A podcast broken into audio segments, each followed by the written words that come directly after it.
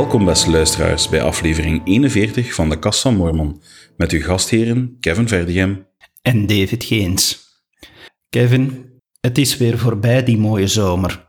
Ja, het heeft al veel geregend. We hebben het belachelijk heet gehad hier. Jij zat in Zweden, je had het iets minder warm, maar wij hebben hier op een gegeven moment 43,5 graad Celsius gehaald. Ik verwonder me dan van dat jij nog altijd zo aanwezig bent. Van, is er dan niet een deel van jou weggesmolten? Ja, maar ik heb dat er ondertussen alweer bijgegeten. Ah, oké. Ja, ik heb nu ook wel een paar rustige weken achter de rug, maar ben toch blij dat uh, grote hitte voorbij is eigenlijk wel. Absoluut.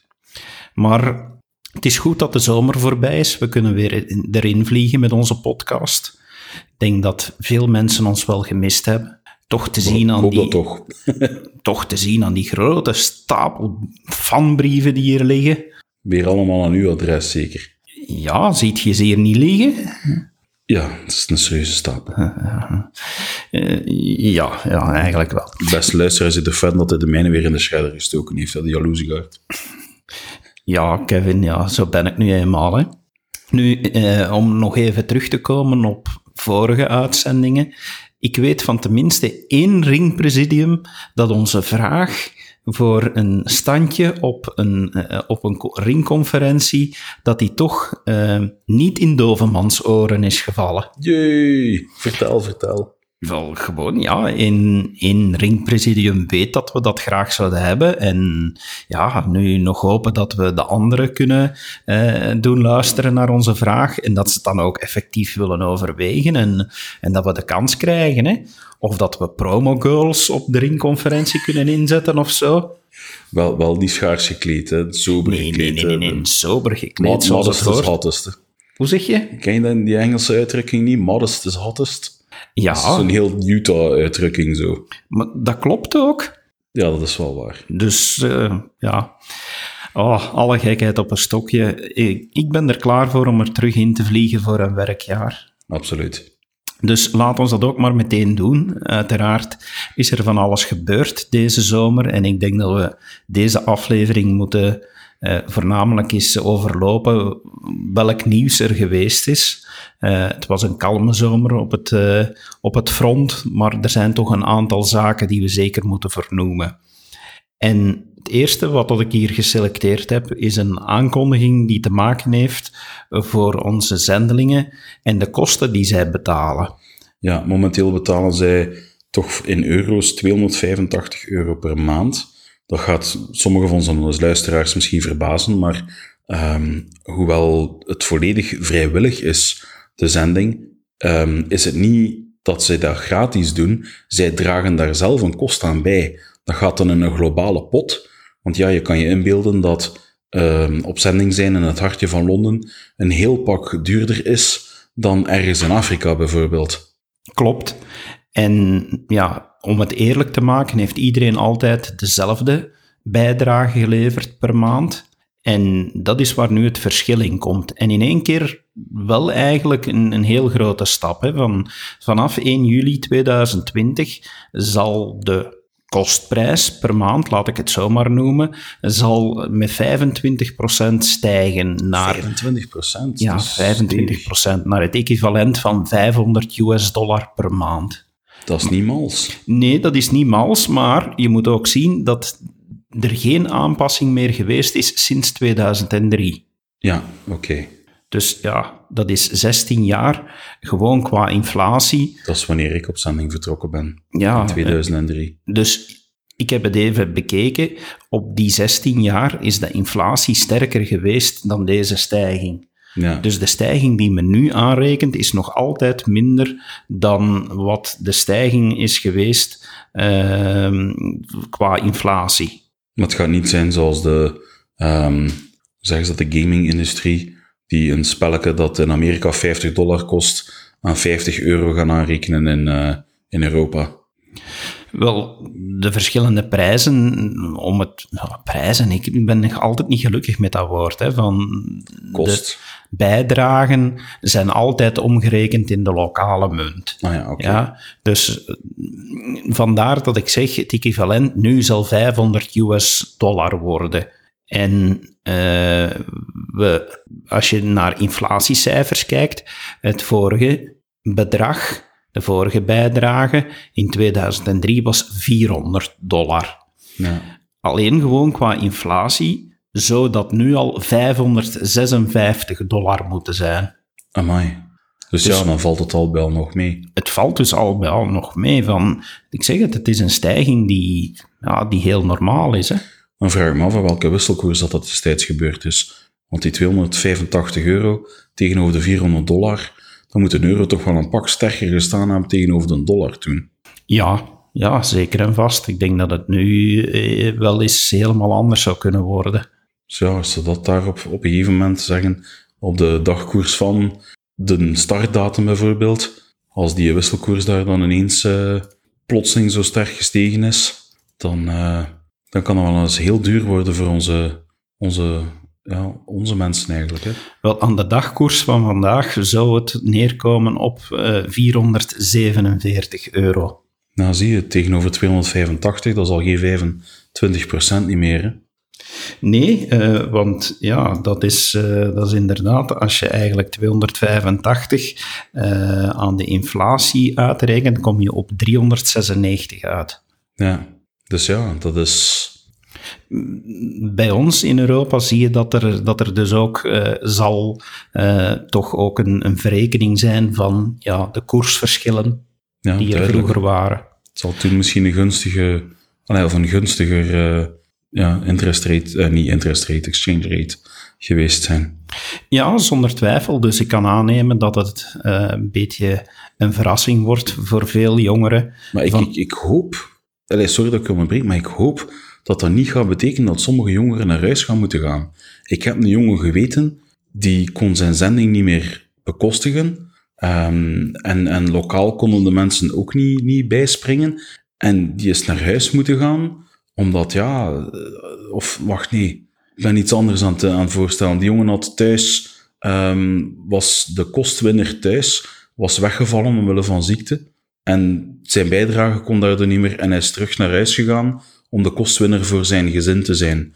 Omdat zijn, zijn vader was daar de kostwinner en die, kon, uh, die was door ziekte, ernstige ziekte, was die weggevallen als kostwinner en had zijn gezin niks meer om op terug te vallen. Dus is terug naar huis gegaan om, om centjes te verdienen voor, uh, voor de dingen. Dus dat is niet helemaal nee, wat ik okay, eerst voorgesteld dat is, dat is toch al, vind ik, een ander verhaal. Want ik heb altijd al de bevestiging gehoord dat onze leiders in de kerk zeggen van ja, we sturen erop aan dat iedere jongere probeert zoveel mogelijk zijn zending zelf te bekostigen. Dus er wordt ook echt op aangestuurd van ga op voorhand vakantiejobs doen en zo. Maar waar mogelijk kan de, de andere leden van de lokale gemeenschap, van de lokale unit verder bijspringen.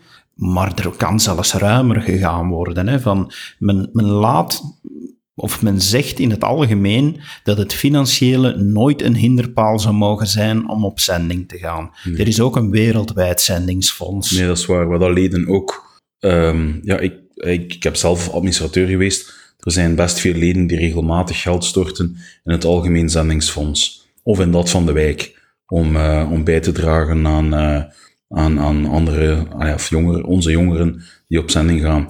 Ik ben onze lokale leden ook heel dankbaar, want ik heb de helft van mijn zending zelf kunnen bekostigen. En de andere helft waren bijdragen van leden ook. Dus ik ben hen heel dankbaar um, en, hoop dat te kunnen terugbetalen is, is het verkeerde woord, want ja, zij hebben dat gedaan zonder daar iets voor in de plaats te verwachten.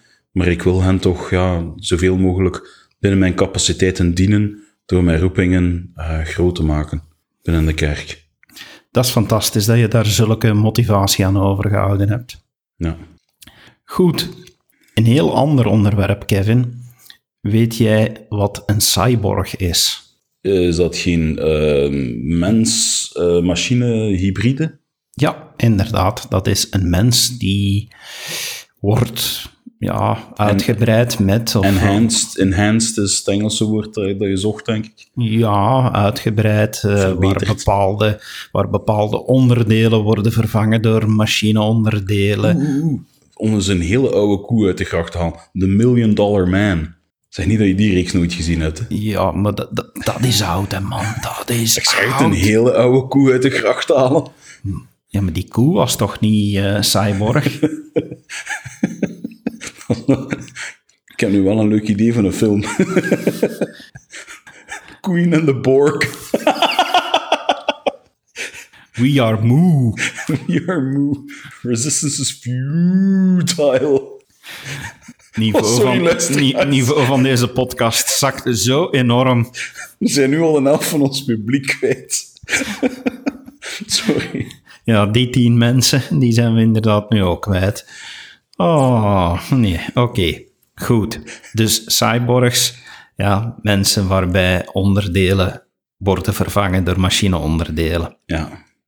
Nu, als je zou aannemen dat we ooit naar zulke maatschappij gaan, waarin cyborgs leven, dan zou je eigenlijk de vraag moeten stellen van welke religie staat het meest open voor die cyborgs? Eh, dat is een goede vraag. Wel, in de eerste plaats, ik zou denken aan de kerk van het vliegend spaghetti-monster. Ja? Ik, ik dacht al zo, de, ja, de, de Joden gaan het waarschijnlijk niet zijn, want zij houden meestal vast aan heel oude gebruiken. Dus Ja, maar blijkt nu dat eigenlijk het antwoord op die vraag heel simpel is.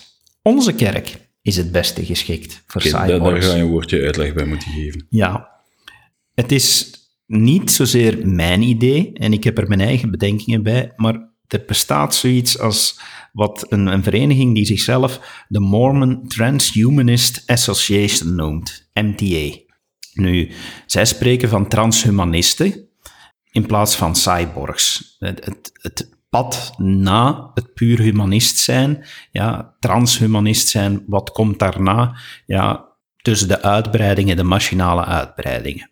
En hun redenering is dat zij zich heel goed thuis voelen met onze theologie, omdat in tegenstelling tot de meeste christelijke zusterkerken, dat bij ons er wel degelijk sprake is van een duidelijk fysisch beeld van wie wij op eeuwig perspectief zijn. Ja?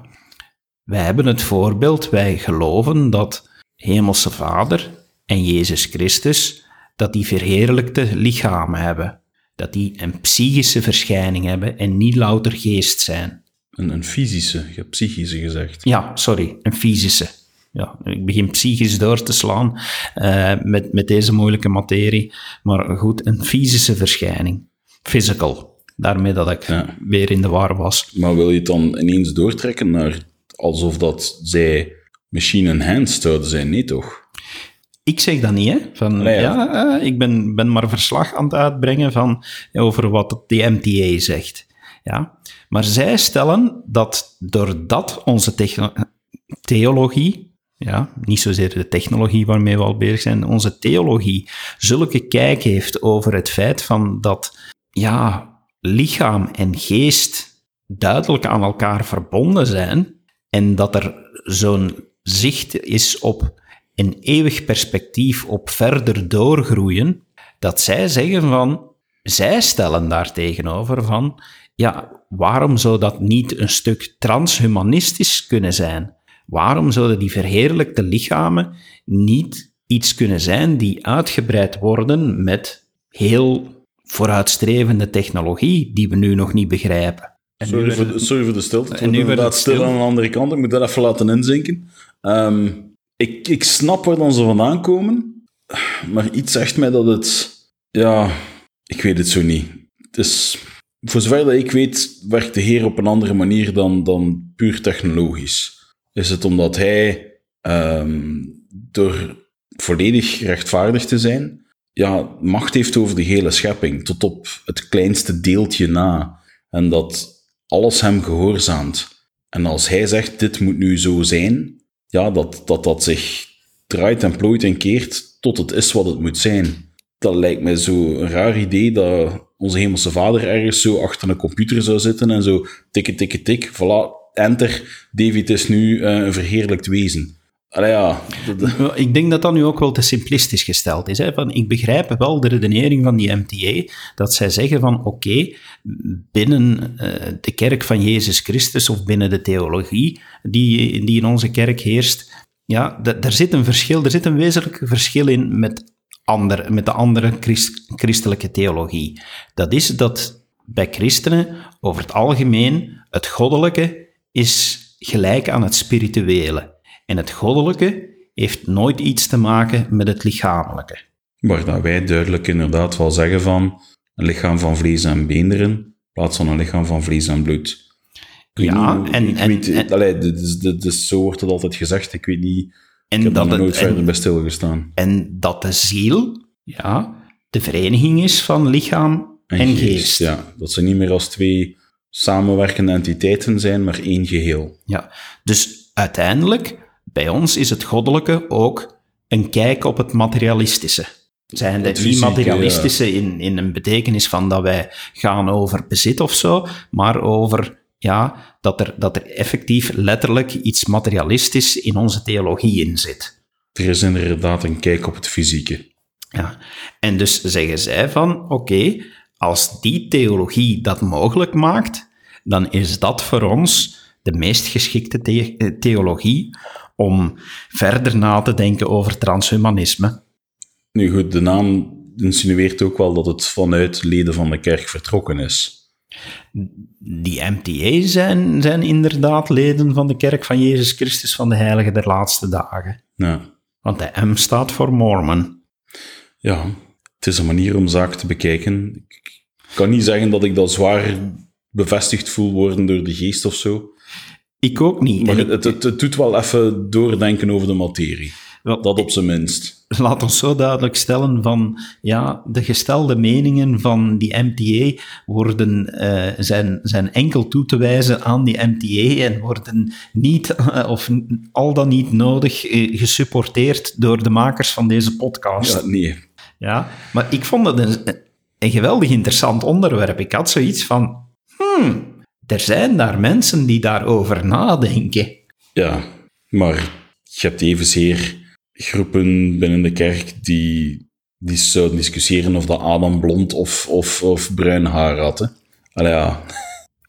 Ja, toegegeven van... Maar deze ging nu toch wel eens heel ver. En ja. wou ik eens serveren aan onze luisteraars. En ja, ben eens benieuwd of we reacties gaan binnenkrijgen. Nee, ik ook. Misschien naar iets luchtiger nieuws. Uh, ja, Manchester. Ja, dat is zo een, uh, een stad in, uh, in Engeland, waar dan ze nogal zot zijn van een twee voetbalploegen. Ja, ook al. Ik ben niet zo bekend met voetbal, maar waar, waar ik het nu wel op heb, is vanuit mijn roeping, is wat daar gaande is met de Book of Mormon musical. Ah ja. En ja, onze kerk haalt daar toch ook weer succes door daar, uh, door daar aanwezig te zijn wanneer de show afgelopen is. En daar te staan met banners en een oproep te doen van, kijk, u hebt nu een satirisch stuk gezien, maar zou u een keer eens niet het boek lezen? Want ja, het stuk is plezier voor één avond, maar het boek kan heel uw leven veranderen.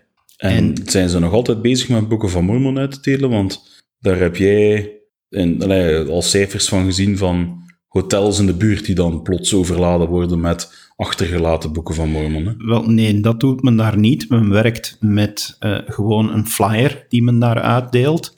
En dat blijkt toch succesvol te zijn. Ik heb uh, via via te horen gekregen dat daar al redelijk wat mensen zijn die, die zeggen van ja, ik wil eigenlijk wel meer weten van, van jullie. Ik wil meer weten van de kerk van Jezus Christus van de Heilige der Laatste Dagen. Dat is positief, hè? Ja. En dus in die zin wil ik het ook eens aanhalen dat de musical later dit jaar, eind september, begin oktober, in de Carré speelt in, uh, in Amsterdam. En Nog dat, niet uitverkocht, je weet? Grotendeels uitverkocht. Ik zie wel tickets heen en weer gaan op Ticketswap, uh, maar het is, voor zover ik weet, uitverkocht. En ja, we gaan toch met de zending ook eens kijken om daar aanwezig te zijn, om te zien dat we mensen die nog met vragen zitten, om die, die vragen te kunnen beantwoorden. Ah, dat is wel fijn. Ja, we zouden daar denk ik nog wel wat hulp kunnen bij gebruiken. Dus moesten er leden zijn die in Amsterdam of in de buurt wonen en zich uh, af en toe vrij kunnen maken. Ik denk dat uh, jullie gerust eens een seintje mogen geven aan onze zendingspresident, want die gaat zich uh, heel hard inzetten om daar mensen aanwezig te hebben. En het is toch altijd fijn om de zendelingen te laten vergezellen door enkele leden. Dus bij deze een warme oproep daarvoor. Kevin, herinner jij je nog dat we het gehad hebben over dat grote vredeskruis dat uh, recht stond op een uh, militaire begraafplaats? Ja, en, en er waren van die mensen die zeiden van, dat is een religieus symbool, dat moet hier weg. Ja, inderdaad. Terwijl dat toch, ja, hadden we toen tot de conclusie gekomen van, heel veel van die jongens en, die daar toen gestorven zijn, ja, die, die, dat waren christenen en ja, het, het is ook een vredessymbool geworden, meer dan enkel een, een religieus symbool. Hè? Wel, dat was dus uiteindelijk de vraag. Dat is naar het Hooggerechtshof gegaan in Amerika en ik kom gewoon even verslag uitbrengen. Uh, het, is, uh, het is nu al inmiddels van voor het uh, ja, het reces in het Amerikaanse rechtssysteem. Maar het Hooggerechtshof heeft met een 7-2 meerderheid geoordeeld dat het wel degelijk een vredessymbool is en geen religieus symbool. En dat het dus verder mag onderhouden blijven met overheidsgeld. Super. Joehoe! Beelden we in ons onze ijzertoren zouden afbreken. Is dat niet ook een groot kruis, die ijzertoren? De ijzertoren is ook in de vorm van een kruis. Ja, beelden in dan ze zouden zeggen van ja, dan mag niet meer met overheidsgeld uh, onderhouden worden. Dat zou toch ja, zo'n symbool voor de vrede. Ja, maar ik denk dat wij hier gelukkig in Europa daar een andere kijk op hebben. Uh, maar hoe lang nog? Hè? Hoe lang nog? Dat Want is inderdaad de vraag. ook meer en meer um, in regeerakkoorden en zo dingen binnensluipen die te maken hebben met toch weer, zoals we in het verleden al aangehaald hebben, het beknotten van godsdienstvrijheid Um, alles dat religieus is naar de privésfeer um, verjagen. Hoe lang nog? Hè? Ja, het laïcisme gaat alsmaar verder. En spijtig genoeg uit schrik voor godsdienst. Ik denk dat we moeten blijven inzetten om elkaar beter te leren kennen en dat er meer respect moet zijn tussen gelovigen en niet-gelovigen en tussen verschillende godsdiensten. Dat is voor mij nog altijd een van de redenen om tijd te blijven steken in deze podcast. Ja. Zelfs al bereiken we maar een paar honderden mensen, die paar honderden mensen, als die iets oppikken over waar wij in geloven of onderling er gaan over praten, dan ben ik al gelukkig. Ja, ik heb op mijn, mijn nieuwe job, ik heb sinds kort nieuw werk, um, daar is een collega getuige van Jehovah. En zij zit op het bureau naast mij. Er zit nog een kast tussen, maar de, bureau ernaast. En zij was onlangs afwezig um, gedurende een lang weekend. Wat bleek, het was hun uh, jaarlijks congres, waar heel veel getuigen van Jehovah naar afzakken. En ik zei er ook, ik ben blij voor jou dat jij zo'n opbouwend weekend hebt kunnen meemaken. Ik had even goed kunnen beginnen bashen, maar wat, wat, wat heeft dat tot nut? Dan breng je mensen toch niet dichter bij, bij Hemelse Vader door te gaan focussen op de verschillen. Het is toch veel mooier om de, de uh, gelijkenissen, de dingen die je gemeenschappelijk hebt, te gaan belichten en, en blij te zijn voor elkaar. Tuurlijk, ik vond dat je haar zelfs moest een chocoladedeur cadeau gedaan hebben. Pardon? Ah ja, waar dat ze kon op aankloppen. Ja. Oké, oké, okay, tot zover het ondergraven van mijn eigen doel. Ik weet het. Inderdaad, laat ons verder gaan. Uh, volgende vraag, Kevin, om, om vragen te blijven stellen van... Wat denk jij over de haarstijl die tempelwerkers moeten hebben? Um, persoonlijk, ja, als, als kale mens, um, vind ik alles dat langer is dan een centimeter veel te lang en moet het allemaal kort. Bij de, bij de broeders toch. Dat is een grapje. maar ik draag zelf een baard. Ik ben lang tempelwerker geweest telkens ik naar de tempel ging om als tempelwerker te fungeren, moest ik mijn baard afdoen. En ik vond dat eigenlijk zeer vervelend. Vooral ook omdat ik er wel voor zorgde dat voor ik naar de tempel ging, mijn baard heel netjes stond. En geen slordige indruk gaf, of de indruk gaf alsof ik ja, iemand zou zijn die dakloos is en geen toegang heeft tot een kapper. Ehm, en, en ik vond dat zo'n beetje het hele geen baarden vind ik echt zo bollig als dat het groot is. Ja, eh, ik ben hier op een case gestoten van een tempelwerker in de Payson-tempel. En uh, een man met een donkere huidskleur. Een anders, uh, anders gekleurde man, zoals wij al hebben, al hebben vastgesteld als beste uh, gemeenvoud om te gebruiken. Nu, die man die heeft voor zichzelf besloten om meer naar zijn roots te willen teruggaan. En voor hem betekende dat dat hij dat ook wilde in zijn uh, haarstijl doen en dat hij dreadlocks wilde hebben. Nu, ja, hij was ook tempelwerker, daarvoor al. En hij zat dan met de vraag van, oké, en wat nu? Kan ik nog met mijn dreadlocks naar de tempel gaan? En eigenlijk hij heeft, of zijn geval, heeft nu eigenlijk wel voor een opening gezorgd dat daar wordt over gesproken in de kerk. En hij zegt zelf van kijk, ik heb op geen enkel moment gevoeld dat mijn vraag verkeerd begrepen wordt. Niemand gaat mij aanvallen of uh, komt af met racistische antwoorden. Mijn tempelpresident staat heel open voor de vraag. Uh, die heeft de vraag ook doorgegeven hogerop. Daar hebben ze mij ook heel welwillend uh, bejegend, om eens een ander woord te gebruiken in onze mooie taal. En ja, ik, ik vind het bijzonder om te merken van dat onze kerk toch wel zegt van ja, we, we krijgen alsmaar meer diversiteit en we moeten met die diversiteit rekening houden. Ja, maar als ik terug wil gaan naar mijn roots en ik ga kijken naar de haarstijl die ze hier in de middeleeuwen erop nahielden, dan gaat dat misschien ook niet gepast zijn voor de tempel. Uh, laat er nog bij zeggen dat dreadlocks, en mensen gaan nu denken van ja, die Jekalen daar, die heeft het zo niet voor mensen die wel haar hebben, dus die zit er nu op af te geven. Nee, absoluut niet. Maar dreadlocks zijn ook niet hygiënisch. Dat, ja, dat is ja, heel ongewassen haar. Nu neem me niet kwalijk, maar als ik naar de tempel ga, zorg ik dat ik ook fysiek helemaal rein ben. Ja, sorry dat ik je verbeter. Ja, dreadlocks heel simpel, die kunnen proper verzorgd zijn en die kunnen uh, ook onverzorgd zijn. Ik ga ervan uit, en van de foto's die ik hier zie, uh, als ik hier nu even hier op ons scherm waarnaar dat wij kijken, dan moet je zeggen van, die man ziet er niet onverzorgd uit met zijn dreadlocks. Nee. Nee. Dus ik denk wel dat hij daar aan de standaarden beantwoordt. En ik denk dat we toch wel eens moeten durven zulke onderwerpen bespreekbaar maken. Wat gaan wij doen van, met culturele verschillen in onze kerk?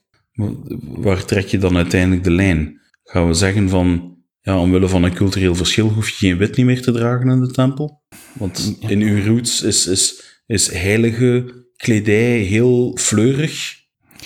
Ja, een goede opmerking. Ik, goede opmerking van je moet ergens de lijn trekken. Het, hele idee is dat we allemaal netjes en verzorgd naar de tempel gaan, dat we daar allemaal in het wit gekleed zijn, om het onderscheid tussen de mensen um, in, in kledij en, en, en, en dat soort zaken, om dat gelijk te trekken. Zodanig dat iedereen ook het gevoel kan hebben van iedereen is gelijk voor de Heer.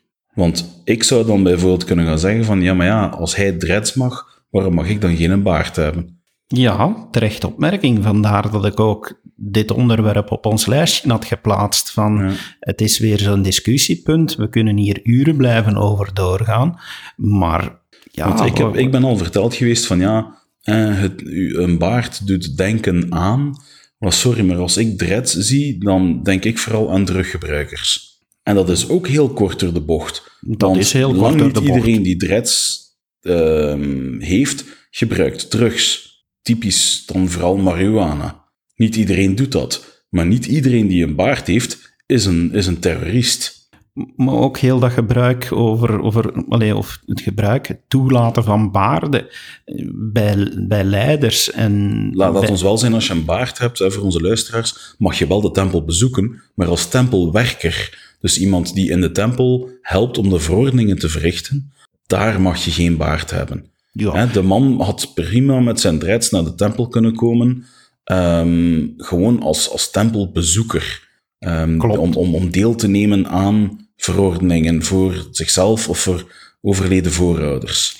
Maar het wordt soms ook verwacht, of sommigen gaan het ook zeggen, van ik heb het zelf al voor gehad, hè, met mijn ringbaardje, van, met, met een leidende, eh, als je een leidende roeping hebt, van ja, maar dan kan dat toch niet, en dan moet je, eh, de apostelen zijn tegenwoordig ook allemaal eh, perfect geschoren, en jongens, ga even een eeuw terug, en dan waren onze apostelen allemaal baarddragers. Ja, Dus ik, ja, dat is echt zoiets zo van.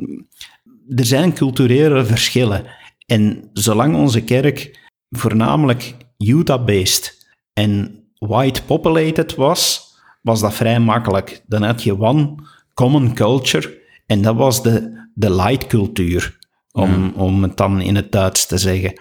Maar nu we een wereldwijde kerk worden en de helft van de leden van de kerk van Jezus Christus van de Heilige der Laatste Dagen buiten de US wonen, vind ik dat we moeten durven zulke vragen stellen.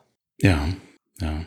Zoals je zelf al terecht aanhaalde, voor God zijn we allemaal gelijk. Ja, tuurlijk. Dus En ik heb ook altijd zoiets gehad van, ja, die baard, ja, dat lijkt alsof je iets verbergt. Dat lijkt alsof dat, ja, dat doet denken aan extremisten die allemaal hun baard laten staan. En ze verwijzen dan vooral naar, naar mijn gevoel toch, niet dat het zo letterlijk gezegd wordt, naar moslim-extremisten, die over het algemeen hun baard nooit scheren en die van die hele lange baarden hebben. Ehm, zij doen dat vanuit een, zeggen zij toch, godsdienstig ehm, opzicht. En dan heb ik zoiets van, ja, oké, maar ja, ik kan me zo inbeelden dat bepaalde culturele dingen, had die een man nu met een Hitlersnorretje daar binnen gewandeld, had waarschijnlijk ook niet geapprecieerd geweest. Alhoewel dat, dat voordat Hitler dat zo uniek maakte, ehm, was dat een heel populaire snorrenstijl. hè. ja, Het swastika was in principe ook een vredessymbool. Wat was het, bij de Hindoes of zo? Of bij de, de, de Sikhs? Ik weet al niet meer welke godsdienst het was, maar dat was een vredessymbool. Dat is dan daarna een symbool geworden van, van jodenvervolging en, en, en, ja, en, en nazisme. En, ja, dingen veranderen ook van betekenis over tijd. En ik heb dan zoiets van, kan het niet na een bepaalde tijd terug oké zijn? Zonder dat dat een, een bepaalde associatie moet hebben. En laat wel zijn, mijn baard, je hebt hem vol gezien, dat was een rode baard. Ik heb nog niet veel terroristen met een rode baard tegengekomen. Ik heb hier nu eens over nagedacht na het lezen van dit artikel. En ik ben bij een antwoord gekomen dat ik al vele malen heb gebruikt bij gelijkaardige dingen. Als zulke vragen zich voordoen, ik denk niet dat het fout is dat zulke vragen worden gesteld en dat over zulke dingen worden nagedacht. Maar ik denk wel dat je moet op een gegeven moment aanvaarden dat je daarmee bij je leider, leiders in de kerk terecht gaat, dat zij de nodige adviezen inwinnen en voornamelijk goddelijke inspiratie zoeken en jou dan meedelen wat zij het beste vinden. En op dat moment getuigt het van een mooie gewilligheid en voornamelijk een heel mooie nederigheid om de leiding van Jezus Christus in onze kerk te willen volgen, door te gehoorzamen aan je, aan je leiders, aan je spirituele leiders en hun advies op te volgen. Ja, En als dat nodig is, je eigen eh, bisschop kan je, kan je helpen. Als dat nodig is, kan die naar de ringpresident gaan. Maar het advies dat van daaruit komt, dan zou ik toch aanraden van, ja, dat is toch wel op dit moment het beste om te volgen. En denk dat dat toch algemeen een beetje de, de krijtlijn is die je bij zulke moeilijke gevallen moet hanteren.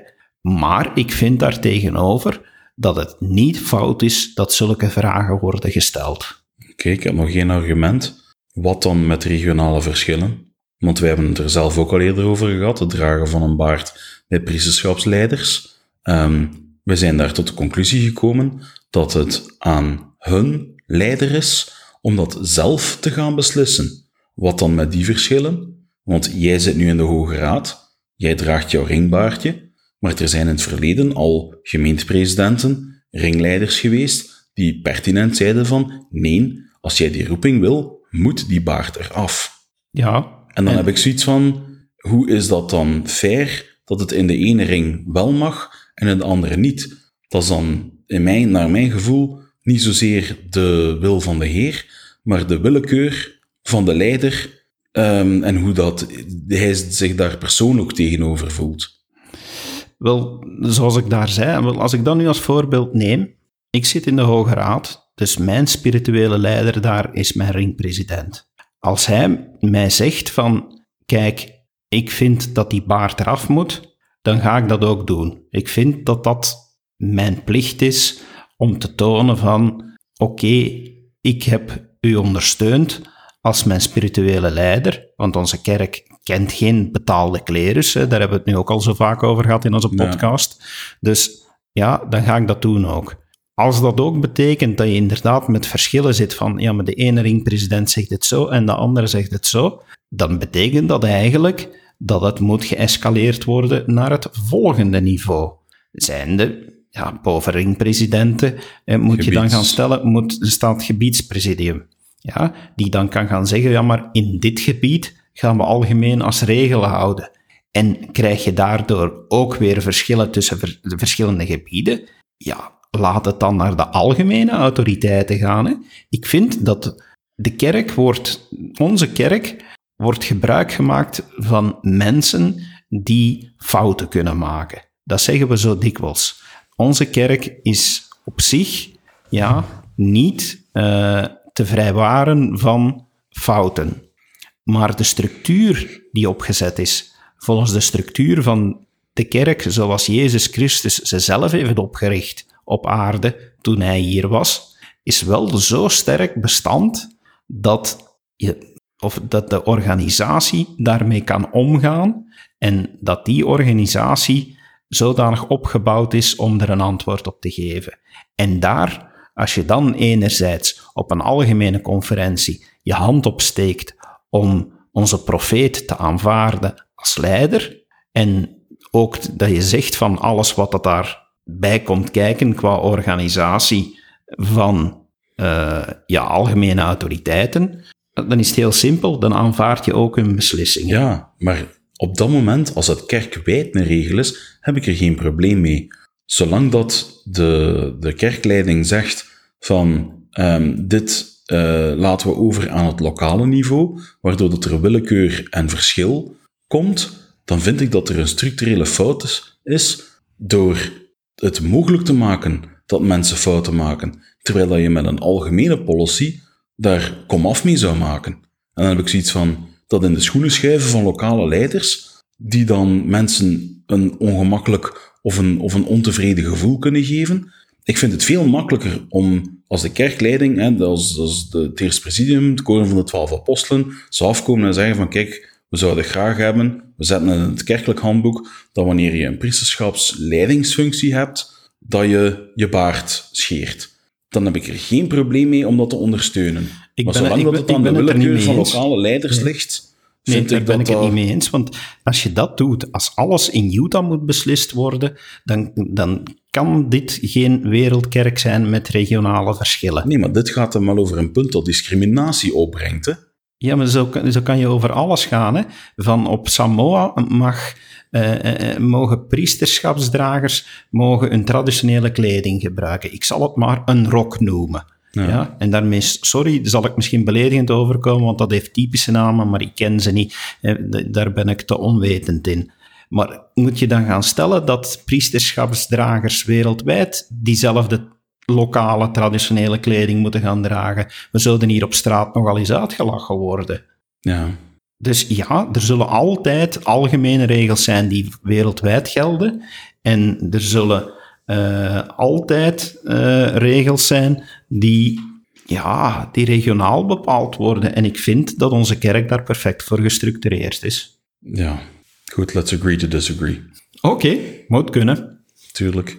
Ehm, het is zo dat ehm, de kerk al langer bezig is met werken aan een nieuw loszangboek. Ehm, het is uh, niks nieuws. Ze zijn ondertussen al een, een goed jaar, als het niet langer is, bezig met te vragen voor, um, voor uh, submissies, hè, de toezendingen, uh, voor nieuwe lofzangen, vertalingen van lofzangen in andere talen.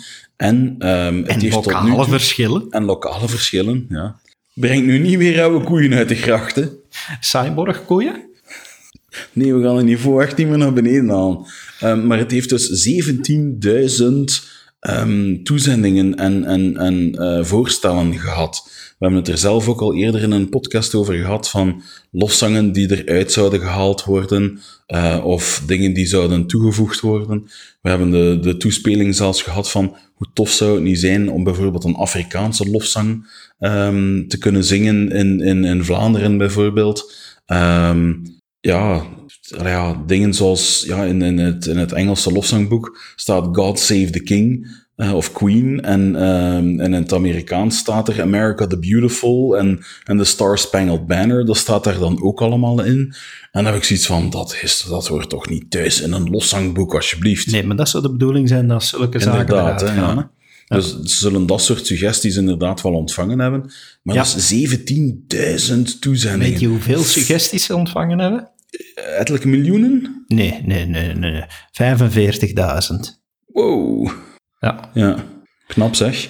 En nu is het eigenlijk een, een comité van 14 mensen die door de suggesties Die moet gaan. mensen, als ze die allemaal moeten bekijken, beluisteren. Oh, man, man, man, man, man. Dat is toch een monnikenwerk dat jaren gaat duren. Ja, ik denk dat ze, eh, dat ze daar inderdaad nog een hele tijd mee gaan Zeker, zeker omwille van al die vertalingen. Want veertien mensen kunnen toch onmogelijk al die verschillende talen kennen. En, en, en ja, de, een vertaalde lofzang. ehm, allee, we hebben zo ehm, het, het, het eh, tabernakelkoor eh, op Temple Square heeft zo een, een lofzang die in, in de vorige editie van het lofzangboek stond. Come thou fount of every blessing. Een prachtige lofzang is eh, in de huidige editie van het boek van, eh, het boek van Mormon, hallo, ehm, van eh, de loszangboek staat hij er niet meer in. Maar ik kan me inbeelden dat als je dat er terug in wil, ehm, en je zegt van kijk, ik heb hier een Nederlandstalige vertaling voor, ja, vertaal het maar eens op zo'n manier dat zij kunnen verifiëren van dit klopt muzikaal nog. Mhm. Ja, ja. Want ik, ik, ik heb weet van, van, van iemand die een loszang die eh, president Nelson geschreven had, eh, wilde gaan vertalen. Ik heb daar proberen aan meehelpen, maar sommige dingen zijn zo moeilijk om te vertalen. Het was een loszang waar dat de president eh, een tekst gezet had op reeds bestaande muziek. En zelfs in het Engels klonken bepaalde strofes geforceerd op de muziek, waar dat het niet mooi rolt.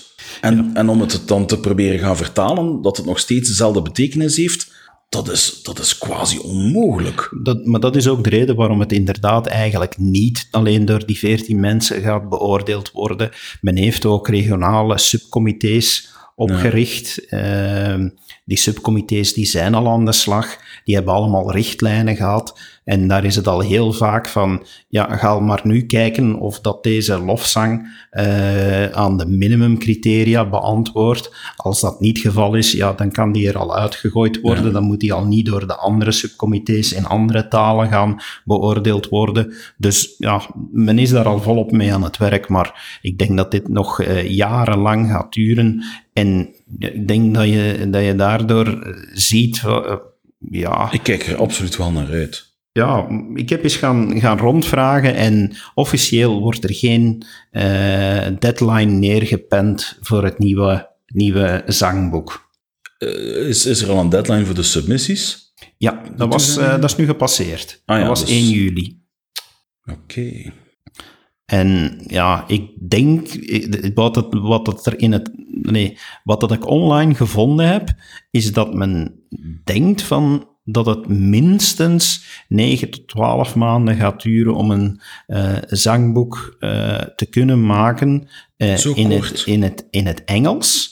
Ja, nee, je moet wachten, hè. laat me mijn zin afmaken. Het gaat 9 tot 12 maanden duren om een zangboek in het Engels te maken met de nodige kopieën en distributie die het nodig is in alle plaatsen waar het Engels eh, gebruikt wordt, van zodra het nieuwe zangboek goedgekeurd is. Dus je moet rekenen, in heel het proces van, ja, we moeten nu gaan selecteren en goedkeuren, komt er nog eens 9 tot 12 maanden bij vooraleer de boeken zullen gedrukt en gedistribueerd zijn in het Engels. En dan moet men nog eens aan andere talen beginnen. Dus we praten hier echt over een meerjarenproject. Ja, ja want ah ja, nu, digitale distributie, ik zie alsmaar meer leden, ook in onze contraien, die gewoon de digitale versie op hun telefoon gebruiken. De kerk heeft daar een hele mooie Sacred Hymns uh, app voor, waar dat je in alle mogelijke talen waarin dat die lofzang bestaat, um, dat kunt volgen. Um, dat je de muziek ook kunt beluisteren, dat je die van thuis uit kan inoefenen, noot per noot. Allee, de, de music.church uh, Church of Christ.org zal het ondertussen wel zijn, werkt daar ook heel mooi voor. Hè? Dus ik vind dat ze het wel al zouden mogen digitaal lanceren, vanaf dat het klaar is. Ja, maar dat zal wel gebeuren. Van, we zullen zien, maar ik denk dat we pas over een paar jaar ja, hier, hier, weer meer over horen. Van, welke kleur zou het worden? We hadden vroeger een blauwe, nu hebben we een groene. Wie weet, als er nieuws naar buiten komt, dan brengen we het wel. Goed. Kevin, je had nog iets opgepikt als laatste onderwerp ja. uh, omtrent het, uh, het, jeugdprogramma. Het nieuwe jeugdprogramma. Ja, inderdaad. Kan je even toelichten? Het is zo dat uh, vanaf 1 januari 2020 um, de kerk voor een, wat was het, 15 talen um, wereldwijd het nieuwe jeugdprogramma gaat lanceren. Waarom 1 januari?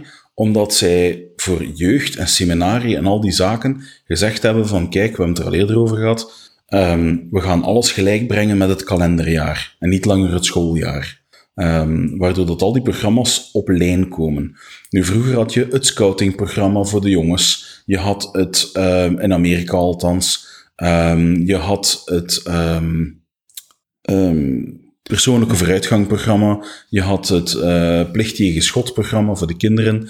Um, allemaal verschillende programma's die er waren om ja, kinderen dichter bij, bij God te brengen, jongeren dichter bij God te brengen, uh, door middel van um, zelf projecten, doelen te stellen, uh, projecten te, te gaan uitwerken. Bijvoorbeeld, ik zeg maar wat, um, voor de jonge vrouwen, ik weet dat nog, um, dan was het, het, laatste jaar bij de jonge vrouwen, dan was het de bedoeling dat je een groot project deed. En dat kon te maken hebben bijvoorbeeld met, ik zeg maar wat, um, dat je um, lokale mensen bijeenbrengt om bijvoorbeeld uh, truien of sjaals te gaan breien of, of newborn kits te gaan breien. En dat je zo'n soort dienstbetoond project op poten zet, dat je daar de leiding in neemt en dat je dat uitwerkt. Voor de jonge mannen waren dat um, voor, voor uh, niet het scoutingprogramma, maar voor het, het, alternatieve dan, voor de, voor de andere regio's, zaten daar zaken bij, uh, op jongere leeftijd bijvoorbeeld zo van, um, ik zeg maar wat, um, trein om twee kilometer te kunnen uh, lopen. Ik zeg maar wat. Dingen die aan uw gezondheid werken bijvoorbeeld ook. Of ga 800 meter zwemmen, bijvoorbeeld. Een doel om naar te werken. Dat waren dan de fysieke. Maar ook daar was het dan van, um, geef bijvoorbeeld eens de, de gezinsavond bij je thuis. Um, allemaal doelen die erop bestemd waren om um, je geestelijke groei en je fysieke groei, lichamelijke groei, vooruit te helpen. Het nieuwe programma gaat het al die zaken gaan vervangen en wordt al in al die talen vanaf 1 januari uitgerold. En het komt voor onze regio pas, als ik het goed gelezen had, in juni van 2020. Ik dacht ergens gelezen hebben 1 maart. Ah, dan is het vervroegd misschien. Of heb ik het verkeerd gelezen, dat kan ook. Maar in ieder geval, het komt pas later. Um, wij moeten nog ietsje wachten. Nu, er bestaat al een, uh, een website, um, een webpagina voor leiders. Dus um, als je children, uh, wat was het? Children, youth, children and youth. Ja, de, de leiders hebben, hebben die link leiders hebben die mail gehad. Um, en zij kunnen al nu al gaan inkijken wat dat er allemaal um, rond gaat gebeuren. Om zich voor te bereiden, om ook een jongeren uh, daarin te begeleiden op het moment dat het programma wordt uitgerold. Ik vind het iets positiefs. Het is iets dat wereldwijd hetzelfde zal zijn. Het zal iets zijn dat je van kind af, van in het jeugdwerk, tot aan je volwassen leeftijd um, kan, gaan, kan gaan doen. Het is iets waar je echt je, je, je progress in kan gaan trekken.